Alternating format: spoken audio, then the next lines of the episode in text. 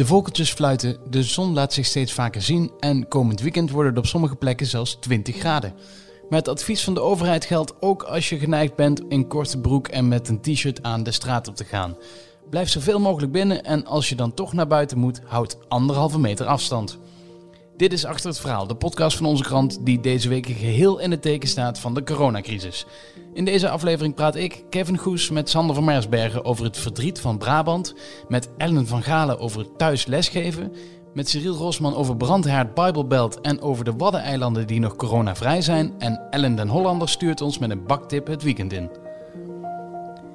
Maar eerst, het CBS heeft vandaag de sterftecijfers van de laatste twee weken bekendgemaakt. En daaruit kun je opmaken dat er heel wat meer mensen overleden zijn aan corona dan tot nu toe bekend was. Verslaggever Sander van Mersbergen legt uit waarom er zo'n verschil is tussen de cijfers van het CBS en van het RIVM. Het RIVM hield tot nu toe altijd bij hoeveel uh, dodelijke slachtoffers er waren, inderdaad. Maar dat waren de slachtoffers die getest zijn op corona. Uh, er zijn ook slachtoffers die bijvoorbeeld thuis of in een verzorgingshuis uh, vallen. Uh, daar wordt niet altijd getest. bij heel oude mensen zelfs niet zo heel veel, inderdaad. dus die komen allemaal niet in die cijfers voor. En het CBS houdt gewoon bij hoeveel doden er uiteindelijk echt vallen. Die kijken naar de gemeentelijke administraties en daar nou ja, dan kun je dus de eindafrekening opmaken. Ja, maar dat, je weet natuurlijk niet zeker van al die doden bij het CBS dat het ook daadwerkelijk corona-slachtoffers zijn, toch? Nee, dat klopt inderdaad. Ik, uh, ik zit ook even naar die cijfers te kijken hoe dat nou normaal gesproken eruit uh, ziet, want ik kijk er ook niet iedere week naar. Uh, maar je ziet dus dat in Nederland iedere week ongeveer 3000 à 3200 doden vallen. Dat is redelijk stabiel als er geen gekke dingen gebeuren. Um, nou ja, en het CBS heeft nu de nieuwe cijfers bekendgemaakt. Vorige week, of ja, week 12 is dat, die eindigde ongeveer anderhalf week geleden. Uh, vielen er al 3500 doden ruim. en deze week, die drie dagen geleden eindigde, waren dat er 4308. Dus nou, dat is fors meer dan, dan normaal gesproken. Um, en als je die extra toename afzet tegen wat het RIVM meldt, dan kom je ongeveer tot een getal zoals CBS nu meldt, dat er twee keer zoveel doden zijn door corona dan dat we weten. Ja. Um, nu zit jij in Brabant, hè, het epicentrum van, uh, um, van de coronaziekte in Nederland. Um, en je, je, je hebt een, een, een, reportage gemaakt deze week over een, een stel, een man en een vrouw, die kort na elkaar overleden zijn. wat, wat is hun verhaal? Ja, ik begin eigenlijk iedere ochtend mijn werk hier met de krant. En dan zie ik altijd de pagina's met, met trouwadvertenties. Um, en maandagochtend zag ik daarin de advertentie van Henk en Mien van Lid. Dat is een echtpaar uit Berlicum, dat ligt bij Den Bosch. En nou ja, wat daar aan opvallend was, was dat ze samen in één advertentie stonden en dat ze één dag na elkaar waren overleden.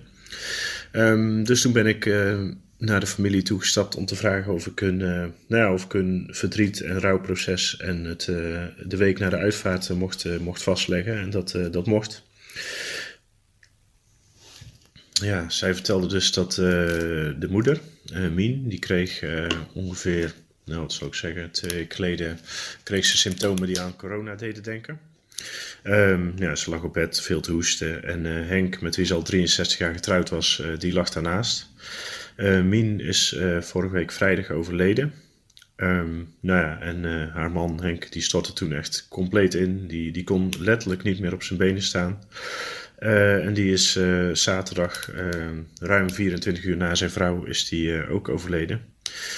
zijn kinderen denken dat dat door een gebroken hart kwam, zoals dat heet. En wat, wat een heel mooi detail was, is dat nou, Mien werd weggedragen op de, op de brancard door de uitvaartverzorger. En Henk die raakte haar nog even aan en die zei: Houdoe Mien, ik kom zo. En um, hij heeft dus woord gehouden. Dat, ja, dat is echt heel bijzonder. Ja, goh. Um, vandaag was die uitvaart. Dat moet allemaal nu met maar 30 man en anderhalve meter uit elkaar. Wat heb je daarvan meegekregen? Ja, ze hadden, de familie had heel goed nagedacht over wat ze nou precies wilden doen. En dat was eigenlijk echt wel heel mooi geworden. Um, Henk, de, de grootvader, die was lid van het uh, plaatselijke gilde. Dat is in Brabant een vrij populair tijdverdrijf. Mensen met, uh, ja, die, die schieten en met paarden en allerlei uh, dingen doen. heel oude traditie al. de mensen van het gilde, daar waren erbij. Die gaven hem een, een uitvaart met gilde eer, zoals dat heet. Dat betekent dat er een vendelier meeliep met een grote vlag en een, een tamboer met een trommel die de dodenmars speelde. dat gaf echt een heel, nou, een heel mooi effect eigenlijk. langs de kant was een erehaag gevormd door iedereen die dat wilde. En uh, nou, heel Bellicum was uitgelopen uh, zo, uh, zo op het oog. Want het stond echt over een afstand van honderden meters. Stonden mensen langs de kant van de route, anderhalve meter uit elkaar. En ehm, nou ja, toen de laatste plechtigheden waren geweest, toen was er een heel groot applaus voor de twee overleden mensen. En dat was echt, echt een kippenvel moment. Dus het was anders dan, dan wat ze misschien gedacht hadden. Maar het was echt toch heel erg mooi. Ja, Sander, dat is dan één verhaal of een, of een dubbel verhaal uit, uit Brabant. Ehm, ik zei al even, hè, dus een van de grootste brandhaarden van, uh, van Nederland. Uh, wat kun je zeggen over die, uh, over de, is er nog een stijging of een afvlakking? Wat kun je zeggen aan de hand van de cijfers? Ja, nou ja, diezelfde CBS-cijfers waar we het net over hadden, die, die zijn ook per provincie gepubliceerd. Um, ja, en dan zie je dat er in Brabant dus de laatste gemeten week dat er 930 mensen zijn overleden. Dat is echt veel meer dan in uh, alle andere provincies. Uh, degene die daar het uh, dichtste bij komt is Zuid-Holland met 687 doden. Alleen in Zuid-Holland wonen veel meer mensen. Um, en als je kijkt naar hoe dat dodenaantal van Brabant zich verhoudt met een normale week, ja, dat is gewoon echt het dubbele. En dat, nou, dat betekent dus dat er twee keer zoveel mensen doodgaan als normaal. Um, en wat daar helemaal bijzonder aan is, het, komt door corona natuurlijk, maar als je ook nog eens naar de kaart van uh, Brabant gaat kijken, waar zichtbaar is hoeveel uh, doden door corona vallen, zie je dat dat heel duidelijk uh, geconcentreerd is in het noordoosten van de provincie. Dat is rond Uden en Veghel en Os. Um, ja, en als je die verhalen daar ook hoort, dat is echt, dat is echt vreselijk. Je hebt bijvoorbeeld lokale kranten in Sint-Oederode, die heette Mooi Rooi. Die hadden van de week vijf pagina's vol met rouwadvertenties. Daar zijn in een week tijd twintig mensen overleden. En nou, dat is een dorpje met misschien 10.000 inwoners. En normaal hebben ze één pagina met rouwadvertenties. Dus dat zegt echt alles over hoe hard deze crisis dit deel van de provincie treft. Verslaggever Sander van Meersbergen vanuit Tilburg. Tenminste, tot en met de meivakantie zitten kinderen die eigenlijk naar school moeten nog thuis. Het zorgt voor een extra taak voor alle ouders. Ze moeten er namelijk ook voor zorgen dat die kinderen geen leerachterstand oplopen. Verslaggever Ellen van Galen geeft tips om het zo goed mogelijk aan te pakken. Wat iedereen eigenlijk blijft benadrukken is uh, zorg voor ritme, ritme, ritme. Dus zorg dat je kinderen elke dag weten waar ze aan toe zijn. Dat je ochtends even vertelt, oké, vandaag gaan we dit doen, dat doen. En vervolgens mag je even pauze houden. En dat is ook een belangrijk iets. Op school uh, spelen ze natuurlijk regelmatig buiten. Uh, mogen ze wat eten en wat drinken. Zorg dat, dat je dat thuis er ook inhoudt. Want die kinderen die hebben een concentratieboog die natuurlijk niet ontzettend lang is. Dus laat ze ook voldoende tussendoor spelen en pauze houden. Ja, zijn er ook plekken waar, waar ouders tips kunnen krijgen? Zeg maar websites waar ze terecht kunnen om, om de juiste meester te worden? Nou ja, het is natuurlijk vooral belangrijk om ook gewoon de tips en de adviezen van de eigen leerkrachten op te volgen. Want zij sturen over het algemeen of huiswerk toe of opdrachten toe. Of ze hebben een website waarop je allerlei linkjes kunt aanklikken met opdrachten, uh, leesplaten, uh, prentenboeken die voorgelezen worden. Noem maar op, ze sturen van alles. Dus het is belangrijk om die gewoon te blijven volgen. En als je daar vragen over hebt, om ook vooral die vragen bij de leerkrachten neer te leggen. En daarnaast zijn er natuurlijk ontzettend veel uh, websites die allerlei gratis leermiddelen aanbieden. Ik noem er zomaar even een paar. Je hebt uh, Ginzy, heb je. Uh, je hebt allerlei juffen die eigen websites hebben met werkbladen bijvoorbeeld. Zoals uh, juf-milou.nl of jufjanneke.nl, jufsanne.nl. dus daar kan je ook heel veel ideeën vandaan halen. En nu is een veelgehoorde klacht van mensen met kinderen dat ze uh, niet aan hun werk toekomen. Hè? Dus uh, ze worden de hele tijd afgeleid door het, het schoolwerk wat zij moeten doen met de kinderen. Hoe zorg je nou dat je daar een goede combinatie in aanbrengt? Ja, dat blijft lastig natuurlijk. Dat is ook afhankelijk van hoe oud je kinderen zijn, hoe zelfstandig kunnen ze al werken. Als de kinderen al iets ouder zijn en wat zelfstandiger kunnen werken, kan je bijvoorbeeld iets met een uh, kookwekker doen. Dat je een afspraak maakt van nou, uh, vooraf uitlegt, je gaat 25 minuten aan dit werken. Dat ze precies weten wat ze moeten doen. En dat je dan ook uitlegt van en uh, mama of papa is nu ook eventjes aan het werk. Dus we doen allebei eventjes ons eigen werk. En pas daarna kunnen we weer praten, zodat je zo daar ook weer een ritme in vindt. Uh, maar wat ik ook uh, zie gebeuren is dat ouders op hele andere momenten gaan werken. Bijvoorbeeld heel vroeg s ochtends opstaan om alvast een paar uur werk te kunnen doen. Uh, of bijvoorbeeld s'avonds nog door te werken. Dus dat ze daar wat flexibeler mee omgaan. Maar ja, kinderen thuis die schoolwerk moeten doen, uitleg nodig hebben en je eigen werk moeten doen, dat blijft een lastige en uitdagende combinatie. Heb je zelf al een, um, een modus gevonden waar, waarin het lukt? Nou, ik heb een kleuter. Uh, en kleuters kunnen ongeveer uh, niet zelf. Daar moet je echt wel veel bij uitleggen en erbij blijven zitten. Dus ik ben uh, zelf een dag extra vrij om hem te kunnen begeleiden.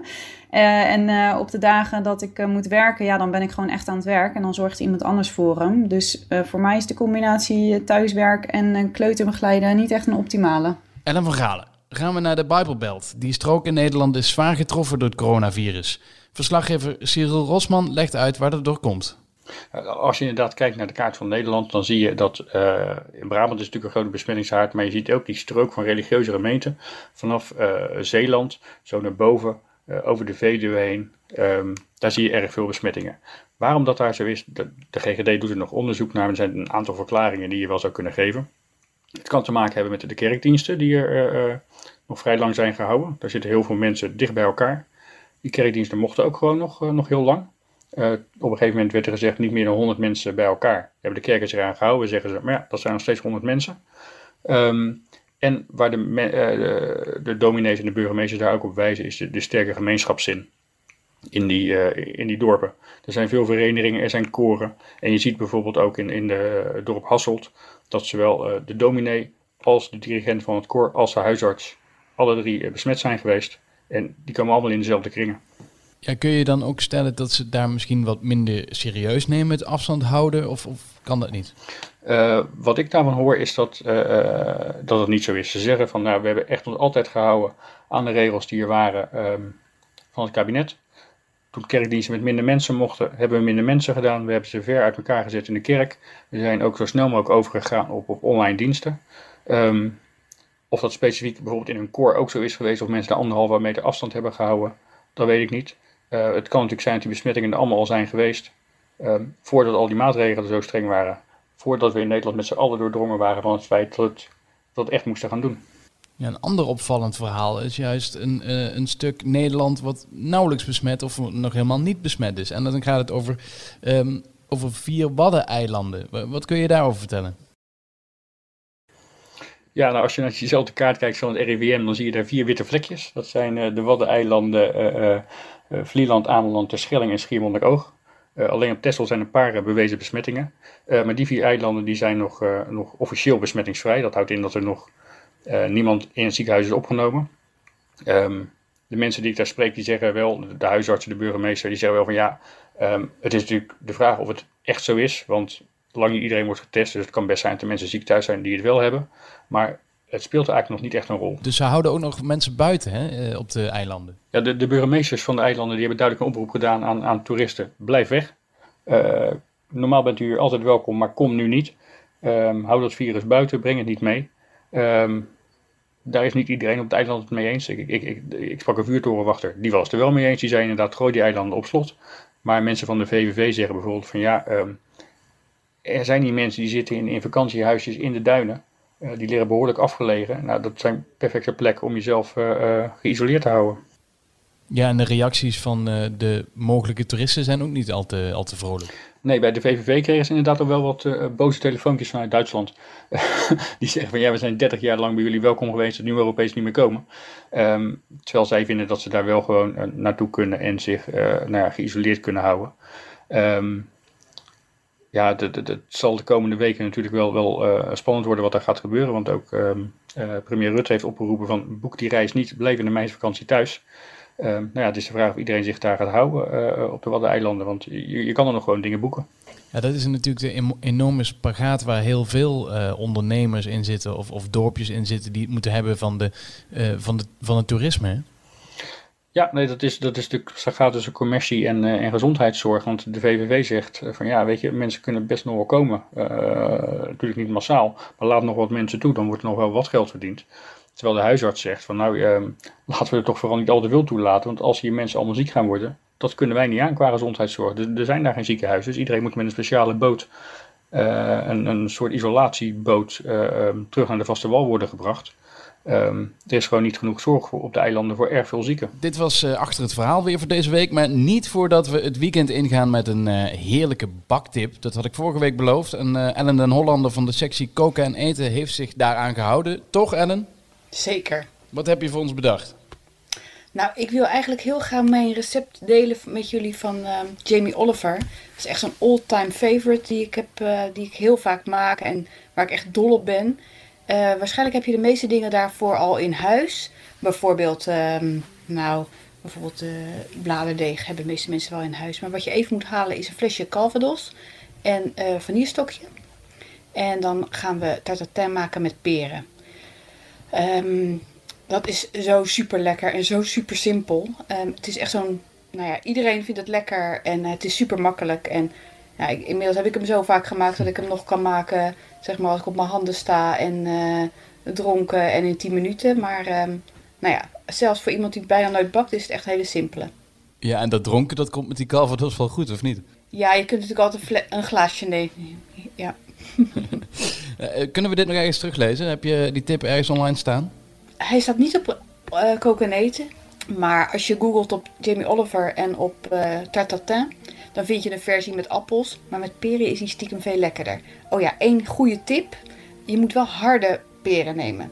Want uh, anders wordt, dus, wordt je tartatin heel mushy en heel zacht. Dat dus als ze zacht zijn, eet je ze zo op. En als ze keihard zijn, dan kun je ze gebruiken voor je taart. Kijk, dat is nog een goede tip om mee te nemen naar het weekend. Uh, Ellen den Hollander van de sectie Koken en Eten, dankjewel. Tot zover achter het verhaal van deze week. Uh, volg ons via Spotify, via Apple Podcasts of via allerlei andere platformen waar je podcast kan volgen. Wij zijn de volgende week weer. Tot dan.